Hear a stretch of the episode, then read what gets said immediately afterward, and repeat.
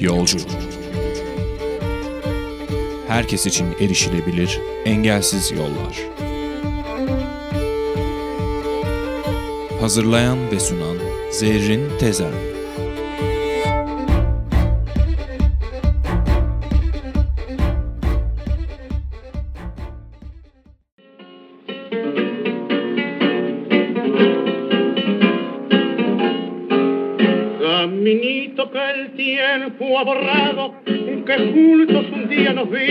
pasar.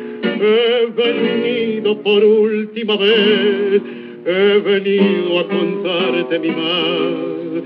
Caminito que entonces estabas dedo de trébol y juntos en flor. Una sombra ya pronto será, una sombra lo mismo que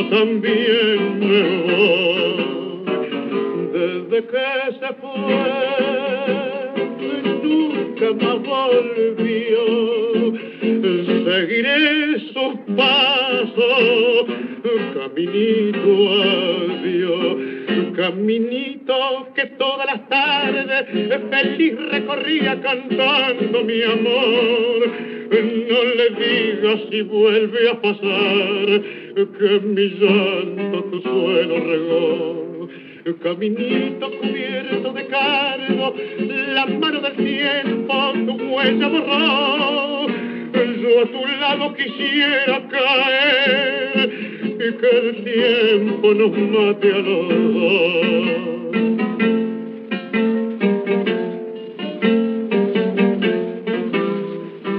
Desde que se fue, triste vivo yo, caminito amigo, yo también me voy. Desde que se fue,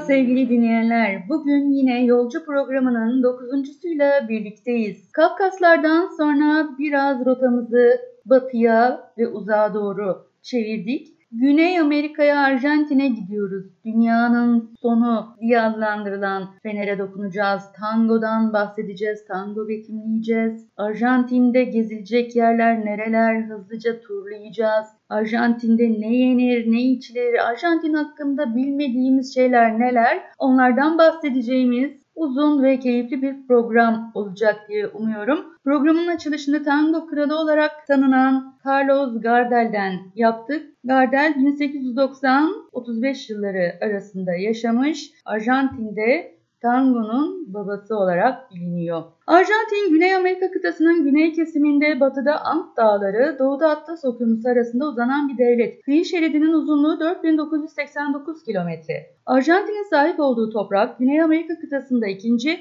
dünya genelinde ise 8. en büyük toprak. Batısında Şili, kuzeyinde Bolivya, Paraguay, kuzeydoğusunda Brezilya ve Uruguay var. Doğusu Atlas Okyanusu'yla çevrili. Güney Amerika kıtası kök kısmı aşağı bakan bir kıvırcık yaprağının sol yarısı kopmuş sağ yarısını andırıyor. Arjantin'de bu yarım yaprağın sağ aşağı kısmında yer alıyor. Batı kısmı kuzeyden güneye ufak girinti çıkıntılarla düz bir hat halinde uzanırken doğu kısmının kuzeyindeki bir çıkıntıyla Paraguay'ın güneyini ince bir kol gibi sarıyor sanki. Güneye doğru daralarak daha belirgin girinti ve çıkıntılarla devam ediyor. En güney ucunda da bir mandalina dilimi şekliyle nihayetleniyor. Arjantin çok uzun bir sahil şeridine sahip ama buna karşın çok az sayıda adaya sahip. Arjantin adı Latince Argentum gümüş kelimesinden geliyor. Şimdi bir müzik arası. 62 yaşında Ricardo Molla'ya kulak vereceğiz. 1980'li yıllarda Arjantin rock grubu Sumo'ya katılmış olan müzisyen şu anda da Dwight Dodd adlı rock grubunun vokalisti ve gitaristi olarak kariyerine devam ediyor. Dinliyoruz.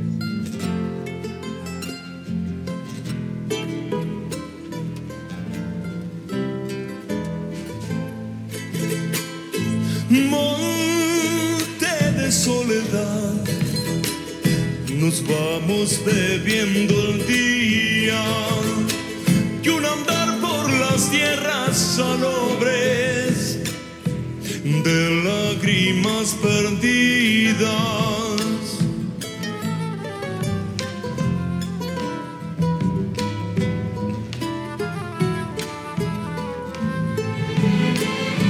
Ya no puedo decir que el viento expandió horizonte ni acercar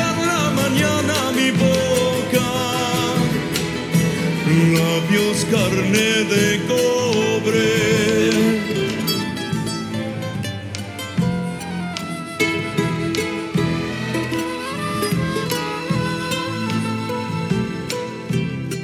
Voy tentando un aclarar sobre el vacío del sol y esta samba que canta y me nombra me llora entre samba que canta y me nombra. Tiene un grito en el final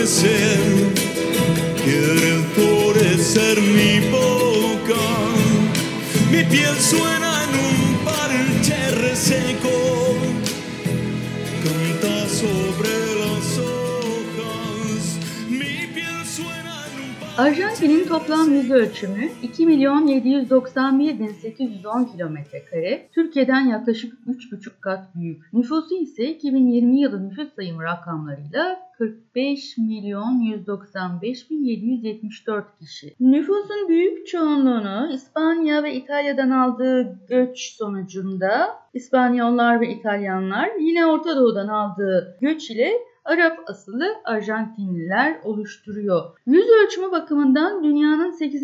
büyük ülkesi olan Arjantin'de 40'tan fazla dil konuşuluyor. Resmi dilin İspanyolca olduğu ülkede İtalyanca, az sayıda Arap kökenli Arjantinli Doğu Akdeniz Arapçası ve bunun dışında Kefuça, Almanca, Yidiş, Guarani, Katalan gibi pek çok sayıda yerel dilde konuşuluyor. Arjantin bayrağı 3 yatay şeritten oluşuyor. Üst ve alttaki şeritler açık gök mavi, ortadaki şerit ise beyaz renkte. Beyaz şeridin tam ortasında sarı renkte Mayıs güneşi adlandırılan ulusal amblem yer alıyor. Ant Dağları Güney Amerika'nın bütün batı kıyısı boyunca uzanır. Venezuela'dan başlayıp Kolombiya, Ekvador, Peru, Bolivya üzerinden devam ederek Arjantin ve Şili'nin Patagonya topraklarında sona erer. Bu 7 devlet aynı zamanda Ant ülkeleri olarak bilinirler. Antların en yüksek dağı 6962 metre ile Arjantin ve Şili sınırındaki Aconcagüa'dır. En yüksek diğer 3 dağ ise Arjantin sınırları içinde yer alıyor. Ojos del Salado 6891 metre yüksekliğiyle aynı zamanda dünyanın en yüksek volkanı. Monte Piscis 6795 metre yükseklikle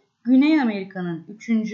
en yüksek dağı ve büyük bir ihtimalle de dünyanın en yüksek ikinci volkanı olarak biliniyor. Bir sonraki zirve yine 6770 metre yükseklikle Mercadario Dağları. Ülkenin okyanus cephesindeki güney ucu nemli ve sıcaklıklar yüksek değil. Kuzey uçta iklim sıcak ve yağışlıyken ülkenin geri kalan bütün bölgelerinde kuzeyden güneye doğru sıcaklıklar azalıyor. İklimin başlıca özelliği kurak olması.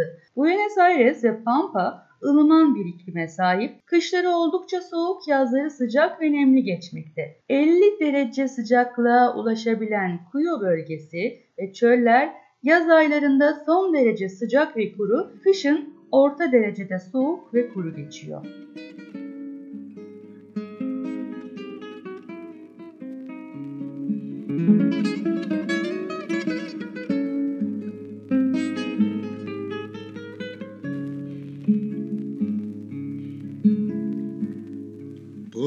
No engraso los ejes,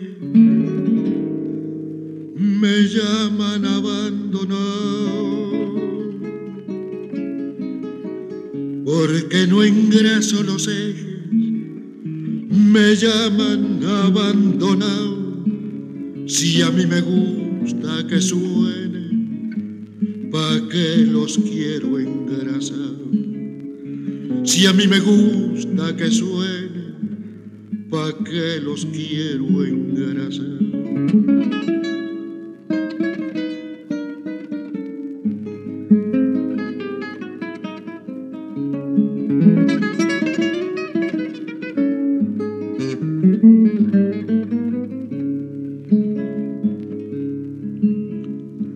Es demasiado aburrido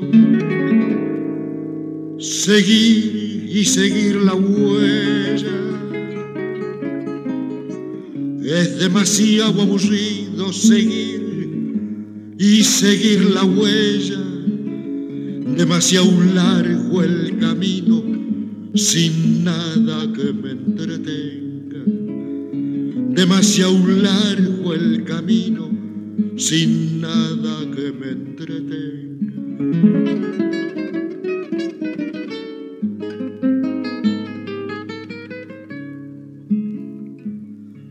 No necesito silencio. Yo no tengo en qué pensar. No necesito silencio. Yo no tengo en qué pensar. Tenía, pero hace tiempo.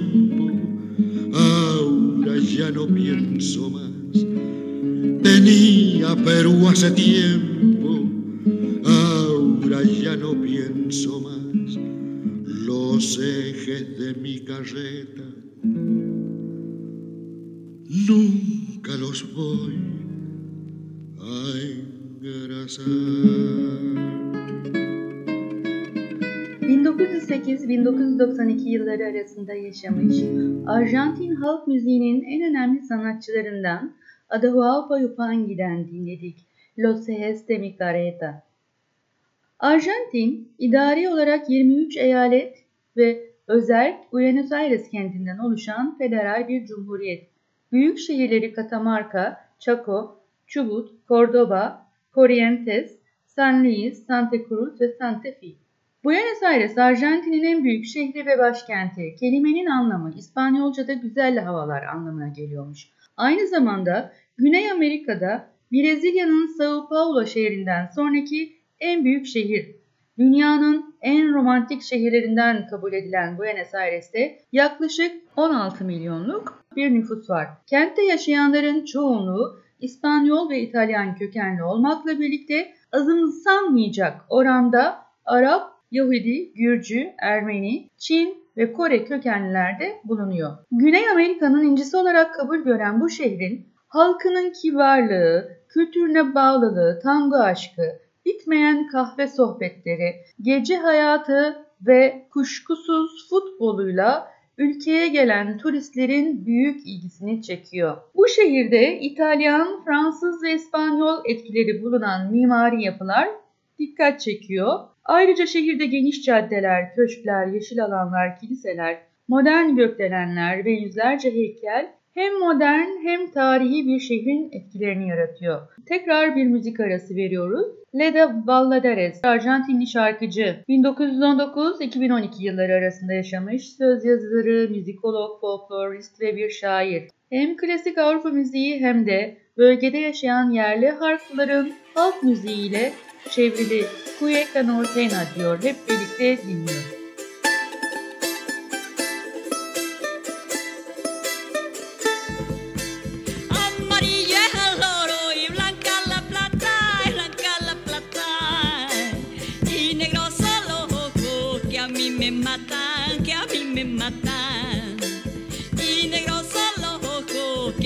Me matan, que a mí me matan. Chiquitita y bonita, te andas criando y te andas criando. Para los gavilanes que andan volando, que andan volando. Para los gavilanes que andan volando, que andan volando. Al pasar por Huanchaca y vida me corté un dedo. Salió la huachaqueña pañuelo, me ató un pañuelo. Ay, ay, ay, ay, me ató un pañuelo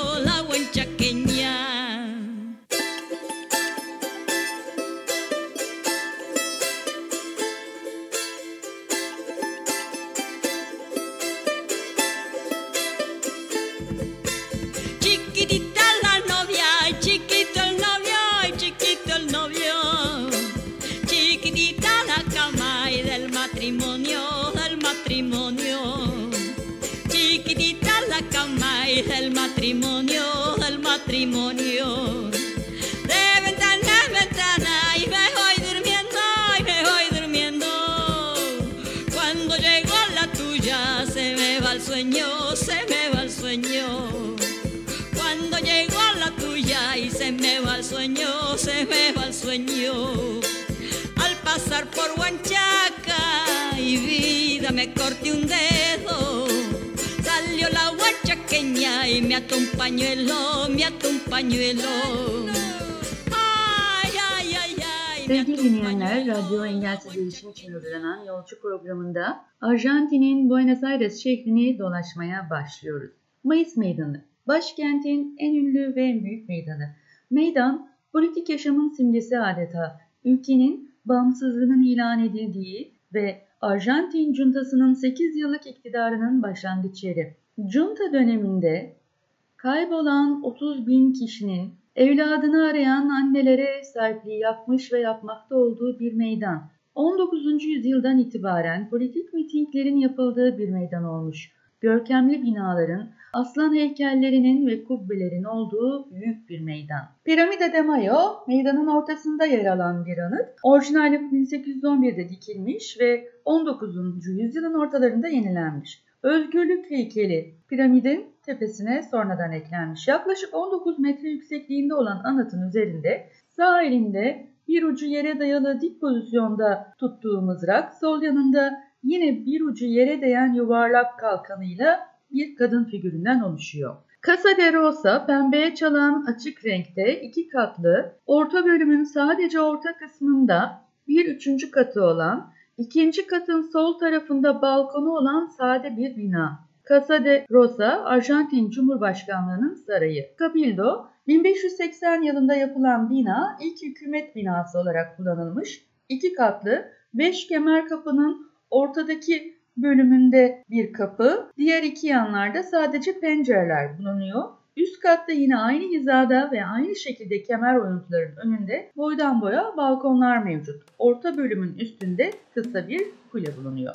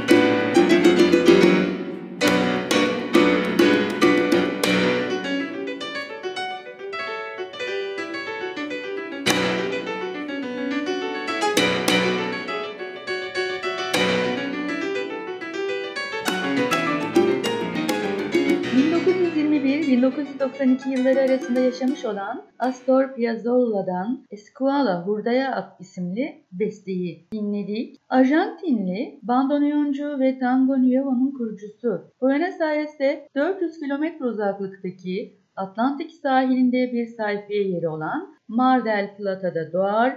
2 yaşındayken ailesiyle birlikte New York'a yerleşir ve 1937'ye kadar orada yaşar. Bandoneon tahminen 1845 yılında icat edilen ve Almanya kökenli tuşlu ve körüklü konfertinas isimli enstrümanlar ailesinin bir üyesi. Konfertinas İngiliz adalarında kullanılanlardan farklı olarak her iki tarafında 14 tuşu olan küçük kare bir enstrüman. Ve turumuza devam ediyoruz. La Buga. Riacuyola nehri boyunca uzanan nüfusun çoğunluğunun göçmen ve işçi sınıfının oluşturduğu bir bölge metalden yapılmış rengarenk iki ya da üç katlı evleriyle dar bir yürüyüş yolu olan Carminota Caddesi'nde biftek restoranları, sokak sanatı eserleri ve sokak tangoları kendinden söz ettiriyor.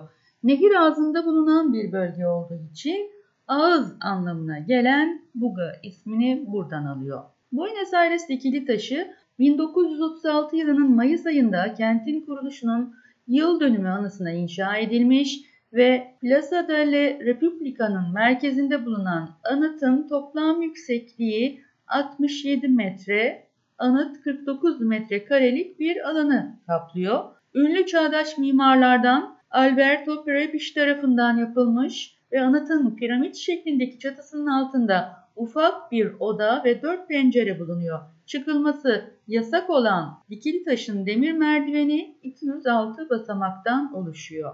La Bombonera 49 bin kişilik kapasiteye sahip içinde Buga Müzesi'nin de yer aldığı büyük konser etkinliklerin ve şovların gerçekleştirildiği bir stadyum adını tepeden bakıldığında bir şeker kutusuna benzediği mimarisinden dolayı almış. 9 Temmuz Bulvarı Avenida de Julio ismini Arjantin'in bağımsızlık günü olan 9 Temmuz 1816'dan almış. 18 şerit ve yaklaşık 130 metre genişliğiyle dünyanın en geniş bulvarı unvanını taşıyor. Bulvarda yer alan Teatro Colón yine Buenos Aires'in gururu tiyatro salonlarından biri. Dünyanın en iyi ve görkemli salonları arasında kabul ediliyor. Yapımı 20 yıl sürmüş ve National Geographic'e göre dünyadaki en iyi 3. konser salonu akustik açıdan da dünyadaki en iyi 5 konser salonu arasında kabul ediliyor.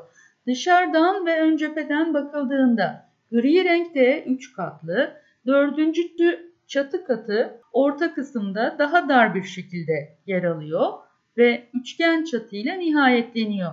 Cephedeki üçgen alınlığın kenarlarında kabartmalı süslemeler, ortasında da yarım daire şeklinde tek bir pencere var.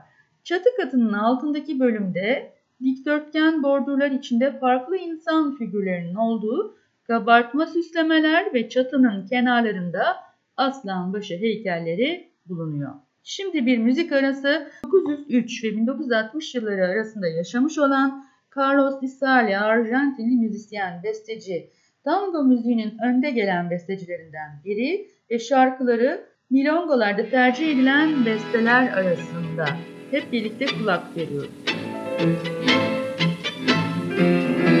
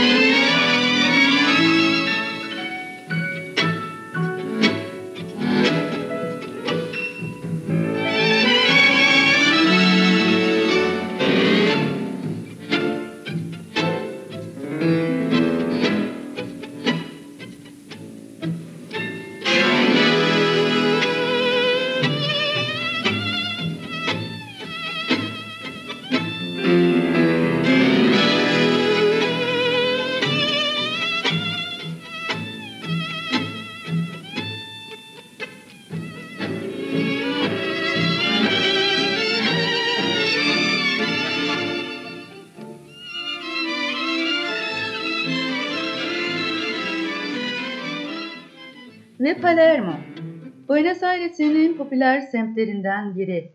Oldukça büyük bir bölge, kendi içinde iki bölgeye ayrıldığı belirtiliyor. Avenida Santa Fe Caddesi Palermo'nun tam içinden geçerek semti ikiye bölüyor. Bu bulvarın güney kısmında kalan kısım Palermo Soho, birbirinden güzel restoranların, kafelerin, dükkanların bulunduğu, gece hayatının hareketli olduğu yer. Bulvarın kuzeyinde kalan kısım ise güzel ve geniş parklar ve gül bahçeleriyle dolu. Şimdi başka bölgelere ve şehirlere hızlıca bir göz atalım. Arjantin'de her yerde resim ve heykelleri görülebilen üç ikonik figürün dikkatlerden kaçması zor. Tahmin edeceğiniz üzere Eva Perón, Maradona ve Che Guevara. Ayrıca dünya ünlü tango sanatçısı Carlos Gardel de bu üçlüyü hemen arkalarından takip ediyor. Ülkede çok sayıda farklı alanda ve mekanda bu kişilerin heykel ve resimlerine rastlamak mümkün. Ayrıca Eva Perón'un yaşamına dair bilgiler, yaptığı çalışmaların sergilendiği Eva Perón Müzesi de bulunuyor. Gelelim Cordoba'ya. Arjantin'in merkezinde Sierras Chicas dağlarının eteklerinde kurulmuş bir şehir. 1580 yılında inşa edilmiş olan barok ve neoklasik mimari tarzında olan Cordoba Katedrali'nde ön cephede iki, arka tarafında bir kulesi var. Ön cephedeki kuleler birbirlerinin aynı. Aşağı kısımda kare şeklinde olan kule yukarı doğru küçülerek kısa ve silindir biçimde devam ediyor. Silindir kulenin çatı kenarları zikzak şeklinde.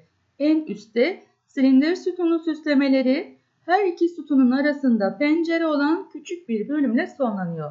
Arkadaki kule uzun bir kubbe şeklinde ve daha detaylı. Kubbenin dört köşesinde minik kubbeleri olan sade silindir kuleler yer alıyor. Kubbenin yukarısı silindir şeklinde daralarak devam ediyor. Kemer şeklinde kısa sütunlardan oluşan balkon duvarı ve balkonun ortasında yine daralarak devam eden, pencere kenarlarında kabartmaların olduğu, etrafında minik piramit çıkıntıları olan bir bölüm var. Katedralin sağ öndeki kule ile arkadaki kule arasında kahve tonlarında taş duvar örülü olan bir bölümü var. Etkileyici güzellikteki Iguazu şelaleleri Arjantin ve Brezilya sınırında bulunuyor. Dolayısıyla iki ülkede de Iguazu Milli Parkı var. UNESCO Dünya Mirası listesinde bulunan bu büyük şelaleler topluluğu Güney Amerika'nın en görkemli doğal güzellikleri arasında.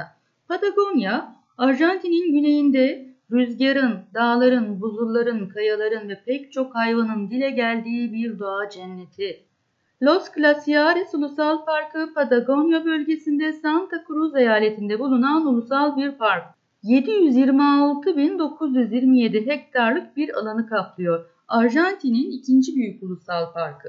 11 Mayıs 1937'de kurulan park, Patagonya bozkırlarının biyoçeşitliliğine sahip 1981 yılında UNESCO tarafından Dünya Mirası listesine alınmış. Ant dağlarındaki 47 büyük buzulun beslediği Atlas Okyanusu'na akan 13 buzulu barındıran parkın adı dev buz kabı anlamına geliyormuş ve Antarktika, Grönland dışındaki en büyük buz örtüsü olarak kabul ediliyor. Milli Park'ın bir diğer önemli özelliği de 3350 metre uzunluğundaki Monte Fitzroy Dağı, Şili sınırlarını aşan dağa tırmanmak, Everest'e tırmanmaktan bile zor deniyor. Vieja amiga oscuridad, otra vez quisiera hablar, porque he tenido nuevamente una visión que suavemente iba cambiando mi manera de pensar.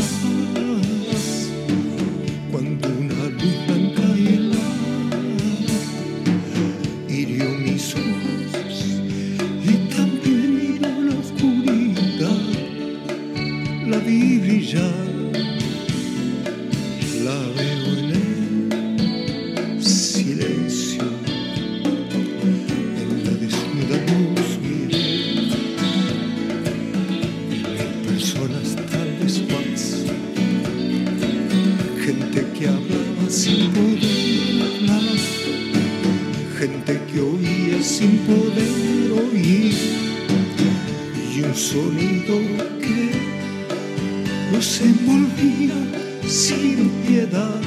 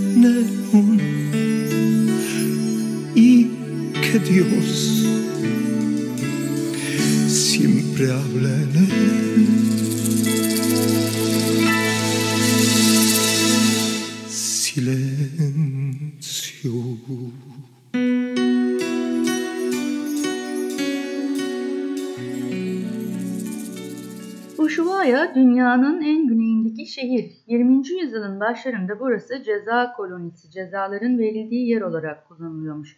Günümüzde ise Antarktika ve Cape Horn'a gidiş için kullanılıyor. Beagle kanalındaki Ushuaia, dağların, denizlerin, buzulların ve ormanın kenarında benzersiz bir manzara ile çevrili. Bir süre sonra buraya dünyanın sonu denmiş. 1894'te inşa edilen denize uzanan kayalığın üzerindeki bir deniz feneri dünyanın sonu feneri olarak burada bulunuyor. Ayrıca dünyanın sonu müzesinde bölgenin tarihi, aborjin yaşamı ve gemi modelleri sergileniyor. Yine Tierra del Fuego Ulusal Parkı, göller, nehirler, tepeler ve buzullarla Arjantin'in en eski ulusal parkını oluşturuyor ve çok ziyaretçi çekiyor.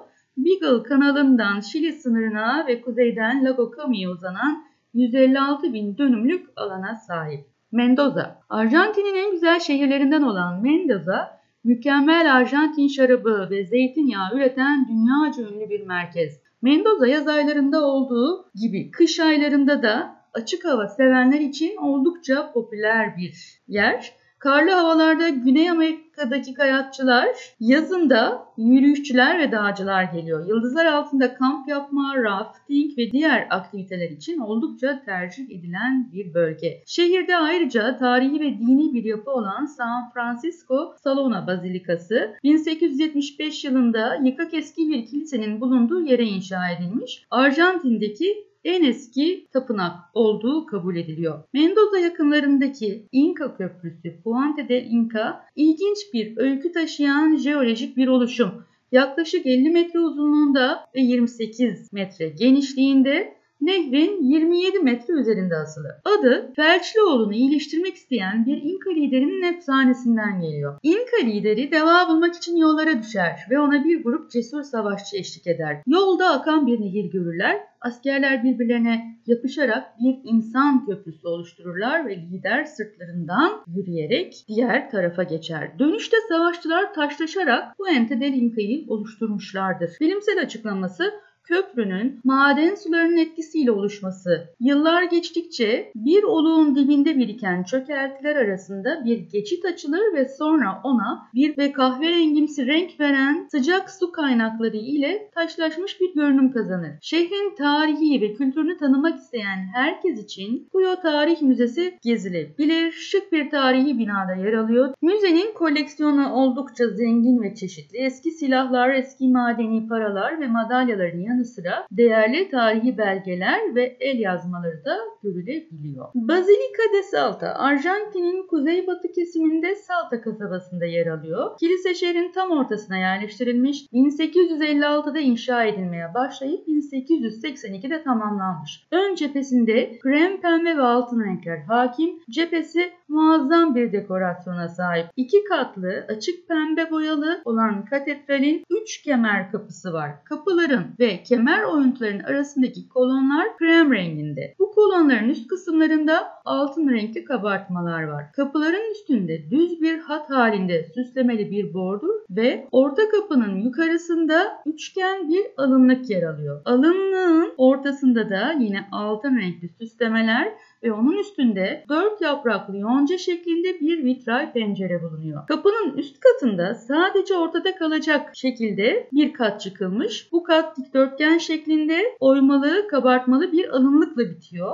Alınlığın tamamı altın renginde. Bu bölümün iki yanında teras ve terasların iki yanında da iki kat şeklinde kademeli olarak hafifçe daralan kare şeklinde üç katlı tepeye doğru küçülerek devam eden külahımsı çatıyla son buluyor. Çatılar ve kulelerin balkon duvarları altın renkte. Soldaki kulenin üzerinde büyük bir saat var. Yapının arka bölümünde de yine iki kubbe yer alıyor.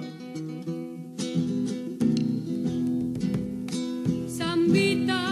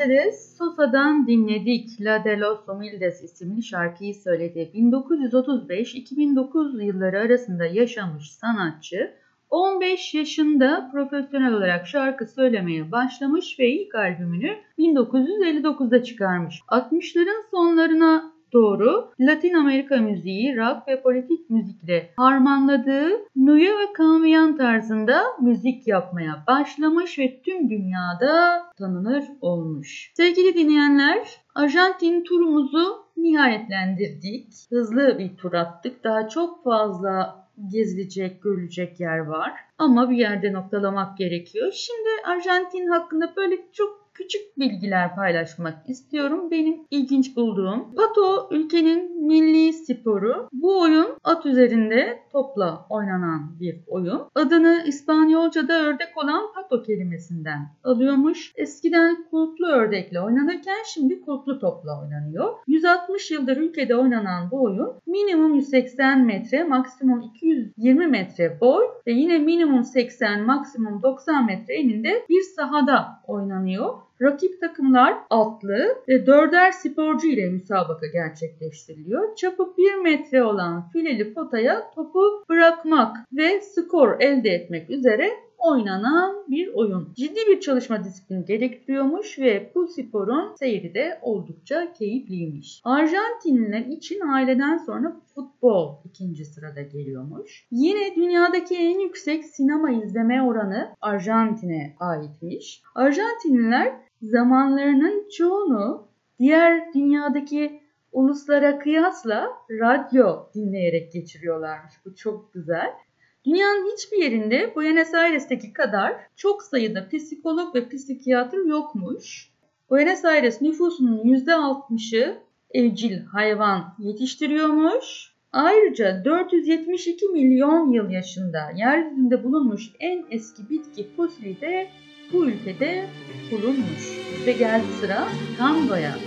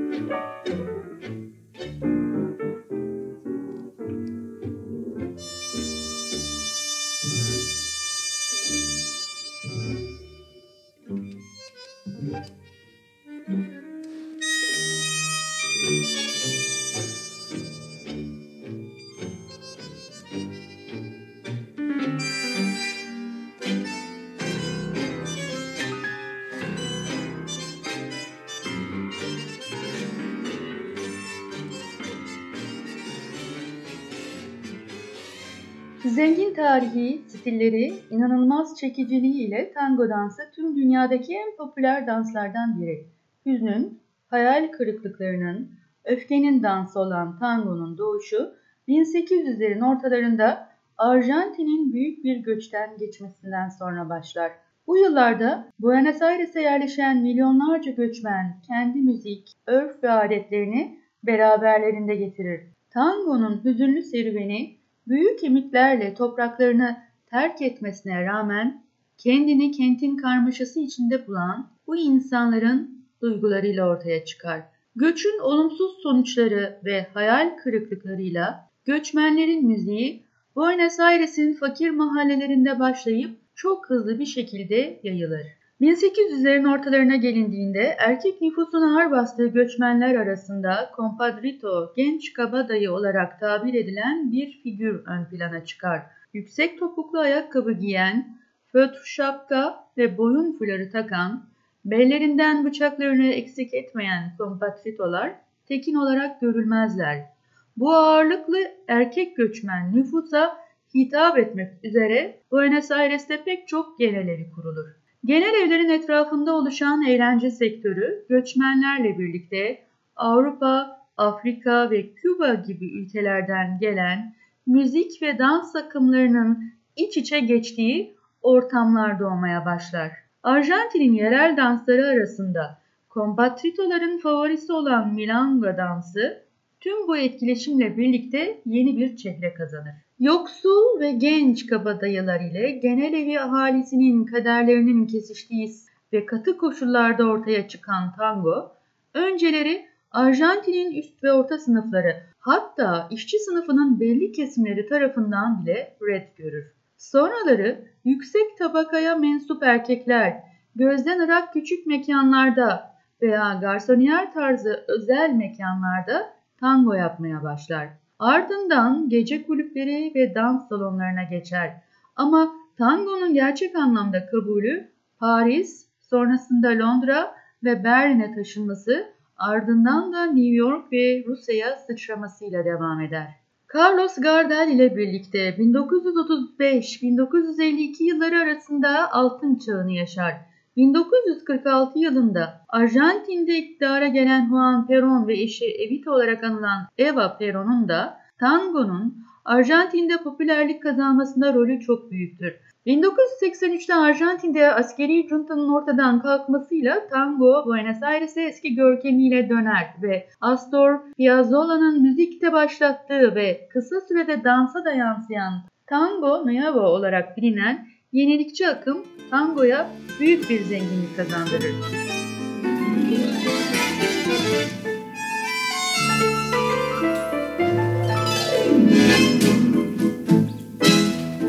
Tu boca puede más que mi cordura y me tortura la tentación con solo imaginar que tú me besas.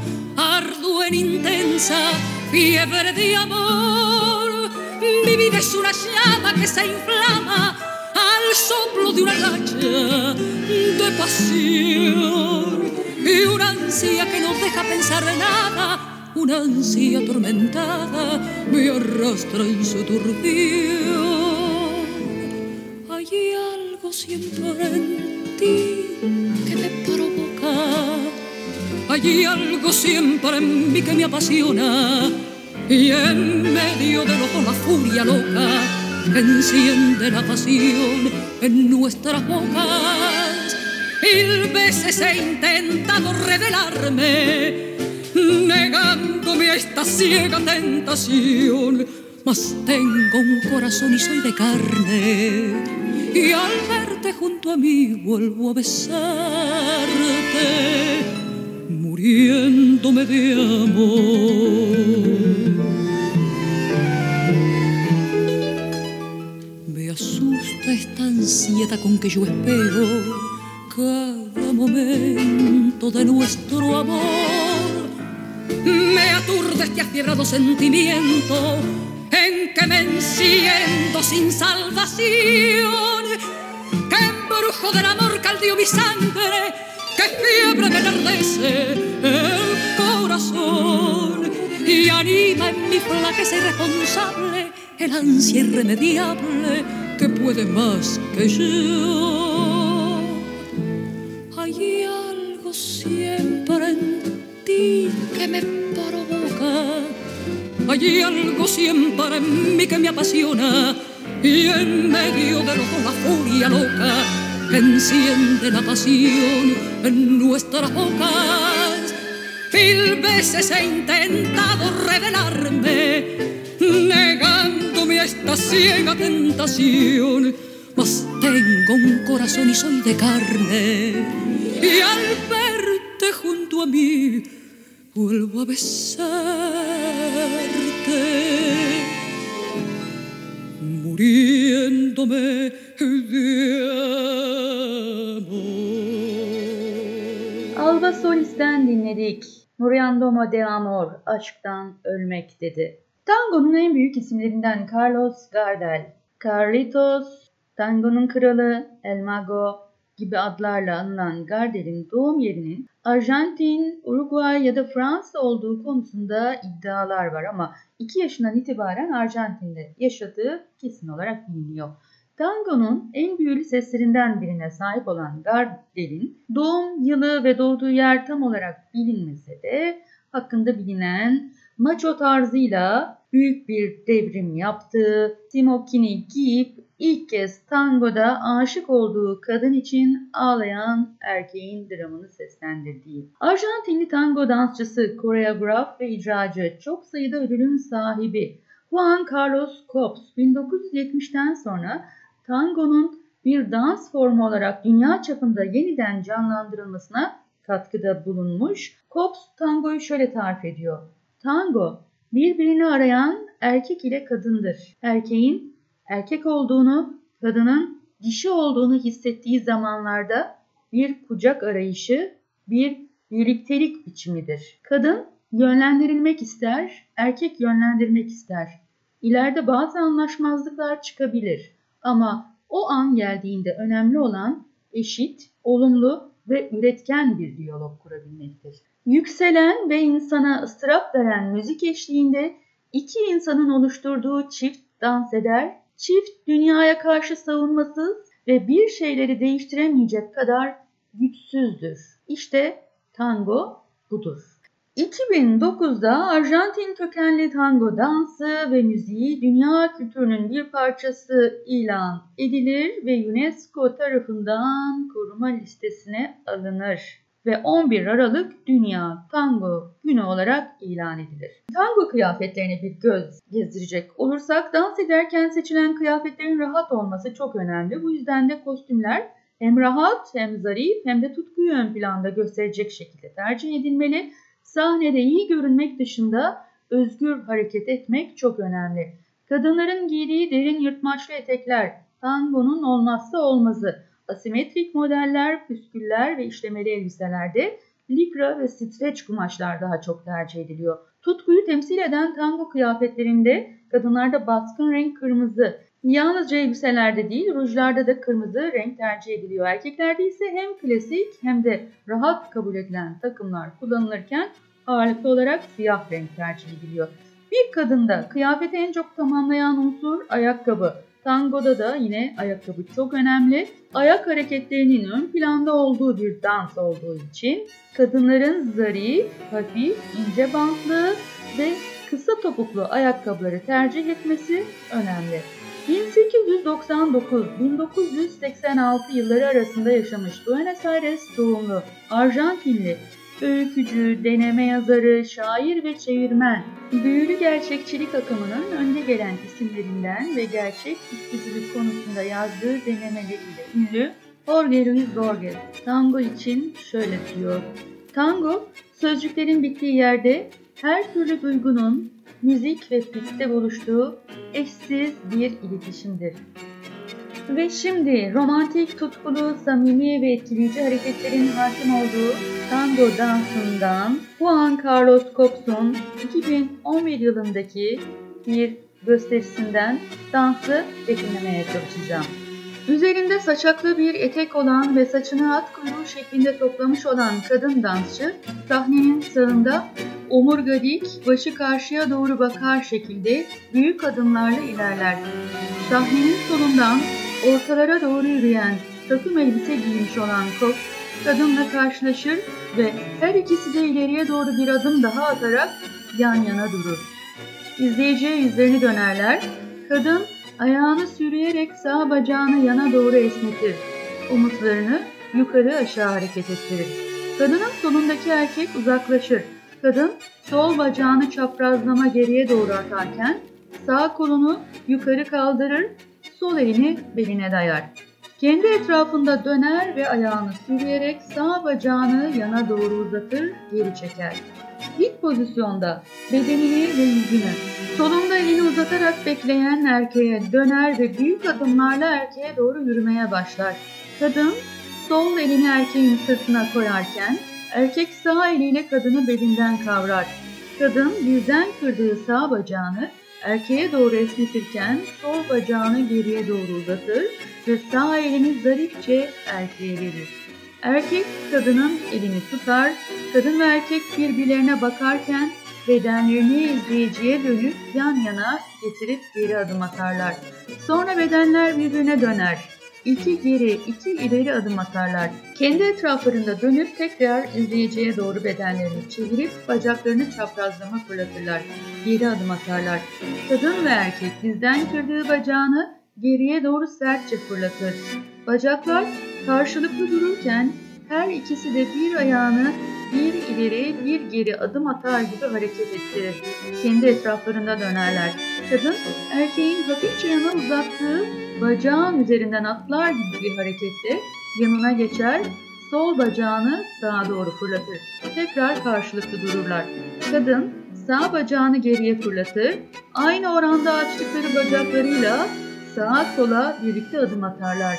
Yüzleri birbirlerine bakarken bellerini yana kıvırıp bir bacaklarını geriye doğru çaprazlama fırlatırlar. Kadın sağ ayağı erkeğin iki ayağı arasında. Kadın sağ ayağını büyük adım atar gibi ileri doğru hareket ettirir. Bir ileri bir geri birlikte ilerlerlerken arada bir ayaklarını yere sertçe vururlar. Kadın üst bedenini oynatmadan belinden aşağısını sağa sola döndürür. Geriye doğru fırlattığı sol bacağını dizden kırarak adamın kalçası hizasına kaldırıp sol bacağına dolar ve hemen çeker. Sağ bacağını dizden kırarak büyük bir adım atar gibi yaparak indirir. Bir ileri bir geri adımlarla dans ederlerken arada erkek geriye doğru esner, kadın dizden kırdığı bacağını erkeğin iki bacağı arasında tutar. Kadın sert bir şekilde sağ bacağını geriye savurur, ayak topuğu kalça hizasına kadar kalkar. Kadın ve erkek karşılıklı dururlarken kadın sağ bacağını düz bir şekilde sağa yukarı kaldırır. Sonrasında dizden kırarak bir sağa bir sola savurur. Bedenleri birbirinden ayrılır. El ele tutuşurken erkek sol ayağıyla bir daire çizer gibi yapar. Kadın yavaşça erkeğe yaklaşır. Sağ bacağını erkeğin sağ bacağın dış yanına yapıştırır. Sol bacağını düz bir şekilde karşıya doğru kaldırıp indirir. Tekrar karşılıklı pozisyon alırlar. Erkek olduğu yerde dururken kadın etrafında döner. Kadın sol bacağını dizden kırarak bir önden ve bir de arkasını dönerek adamın iki bacağı arasına savurur. Üst bedenini oynatmadan belini sağa sola çevirir. Adam çapraz adımlar atar, ayağını yere sertçe vurur. Kadın sol bacağını geriye doğru gerer, sağ bacağını dizden kırıp erkeğin iki bacağı arasına doğru esnetir. Erkek sağ bacağını öne doğru gelmiş pozisyonda kadınla burun buruna gelerek dansı bitirir. Ve sevgili dinleyenler sıra Arjantin mutfağına geldi. Arjantin iklimi ve verimli ova bölgeleri sayesinde dünyanın büyük gıda üreticilerinden biri konumunda. Dünyadaki sığır üretiminin %4'ünden fazlası Arjantin tarafından karşılanıyor. Yine Amerika'nın en büyük bal üreticisi konumunda. Ülkenin yeme alışkanlıkları ve mutfak kültürü şehirden şehire, köyden köye değişebiliyor. Arjantin mutfağında Avrupa, Brezilya, Meksika ve Şili mutfağından çeşitli etkiler görülüyor. Özellikle Fransız ve Brezilya mutfağından da etkilenmiş olan Arjantin'de kahvaltı sadece kruvasan, çay ve kahveyle yapılıyor. Öğle yemeklerinde genellikle atıştırmalık sayılabilecek sandviç tarzı yemekleri tercih ediyorlar.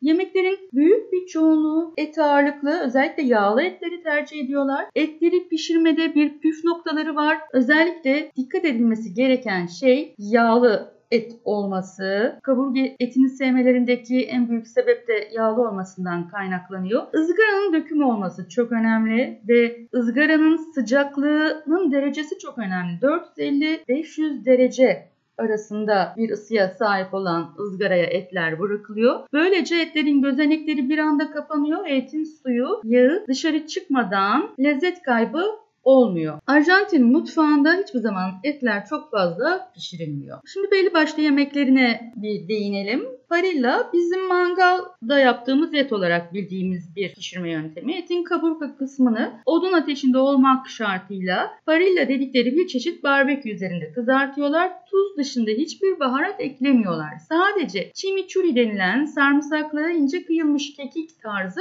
sosa bulayarak yiyorlar. Churrasco, Brezilya usulü açık ateşte pişirilen bir ızgara et türü. Empanada bir çeşit börek türü. Şekil olarak bizim put böreğimize benziyor. Ama hamurun içine yine biftek, kıyma, tavuk ve sebze, patates, kuru üzüm, siyah zeytin gibi çeşitli eklemeler yapıyorlar. Fırında pişireni de var, ateşte kızartanı da. Locro güveçte yapılan Arjantin yahnisi. En çok kullandıkları sebzeler bu yemekte. Mısır, fasulye, bal kabağı ve havuç kullanıyorlar. Yahni eti olarak da sığır etinin yanında bu yemekte bazen domuz eti de tercih edilebiliyor. Lomito bol malzemeli ve çok lezzetli bir sandviç çeşidi. İç malzemeleri yumurta, dana eti, peynir, jambon, marul ve domates. Ekstra olarak criolla dedikleri soğanla yapılan bir sos ve baharat da kullanabiliyorlar. Milanesa çoğunlukla öğle yemeklerinde tercih ediliyor. Bildiğimiz schnitzel'in Arjantin versiyonu hızlı hazırlandığı için fast food kategorisinde kabul ediliyor. Humita bir mısır dolması tarifini az sonra vereceğim. Carbonado bal kabağı dolması oyulan orta boy bir bal kabağının içine pişirilmiş et, soğan, biber, domates, sarımsak, kuru kayısı, patates ve mısır koyuyorlar. Sonra kabak ile beraber tekrar pişiriyorlar. Güveç yahninin kabak versiyonu ama Arjantin'de en çok tüketilen yemekler arasında. Dulce de leche Arjantin mutfağının olmazsa olmaz en meşhur tatlısı. Süt tatlısı ya da süt reçeli olarak geçiyor. Süt ve şekerin kaynatılıp karamel kıvamına getirilmesiyle hazırlanıyor. Alfajor tereyağlı iki kurabiye arasına konulan karamelli çörek. Arjantinlilerin çayın yanında vazgeçmezi.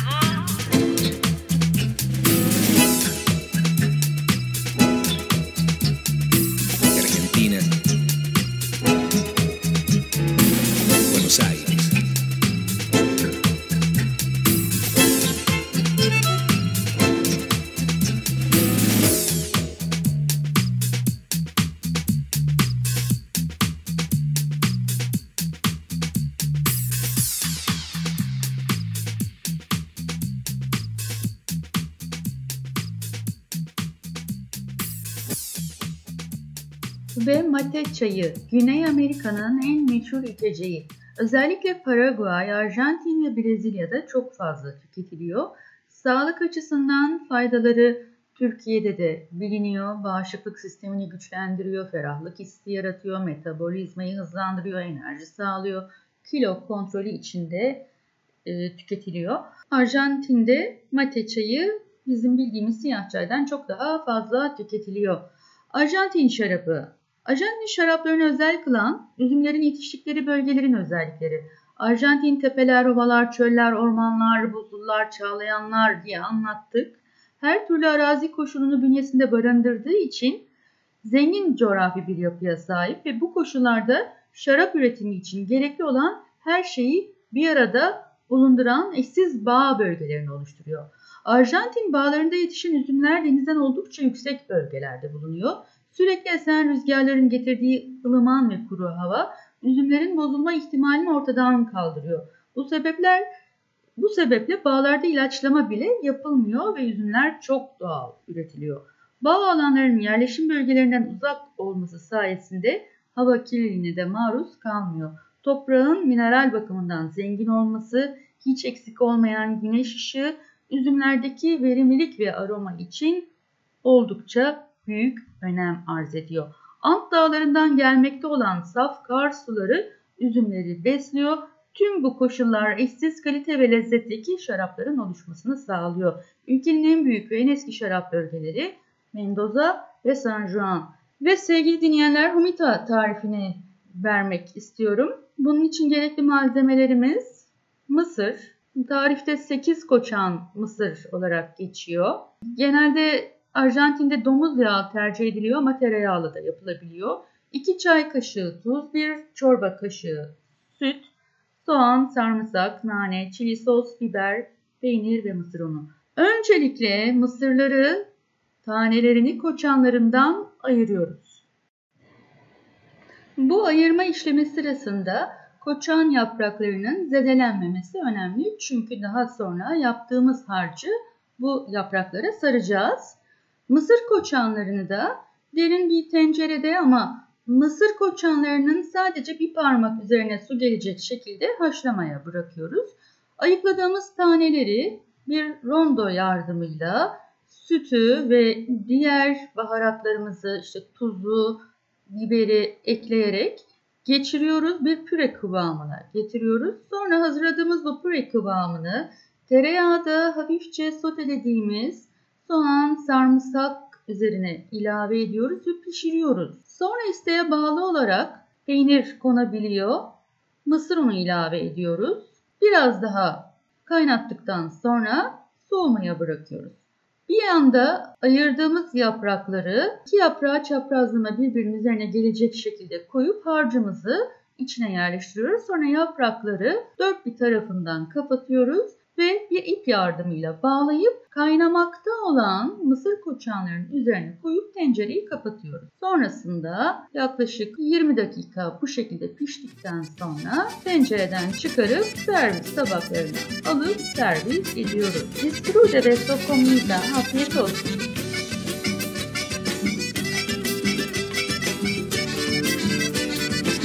Pienso que ya no soy de aquí, que ya no soy yo. Si obedezco a la razón, tengo que decir adiós. Hoy me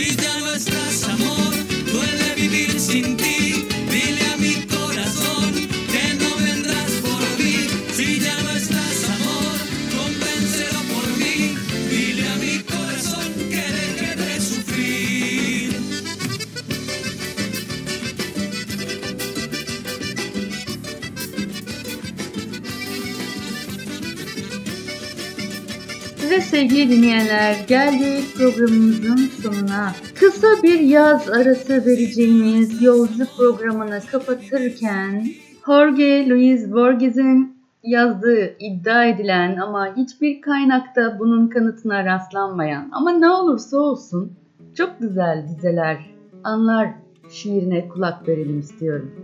Sil baştan yaşama şansım olsaydı eğer oturup saymazdım eski yanlışlarımı. Kusursuz olmaya çalışmaz, rahat bırakırdım yüreğimi. Neşeli olurdum, geçmişte olmadığım kadar. Ve elbette çok daha coşkulu olurdu sevdalarım. İçine de yeterince ciddiyet katardım. Bu denli temiz, titiz olmazdım hiç. Öyle bir şansım olsaydı eğer. Hiç çekinmezdim daha fazla riske girmekten de. Daha çok yolculuklara çıkar, gün doğumlarını kaçırmazdım asla. Hele dağlara tırmanmanın, ırmaklarda yüzmenin keyfini. Doyasıya dondurma yer, boş verirdim kuru nimetlere. Öyle bir şansım olsaydı eğer. Dertlerim de yalnızca düşlerin değil, yaşamın gerçeğini taşırdı. İşte onlardan biriydim. Ben ömür boyunca hani her saniyesini verimli kılmaya çalışan insanlardan biri. Ama aynı anlara yeniden geri dönebilseydim eğer, yalnızca iyi ve güzel olanları tatmak isterdim. Mutlu anları.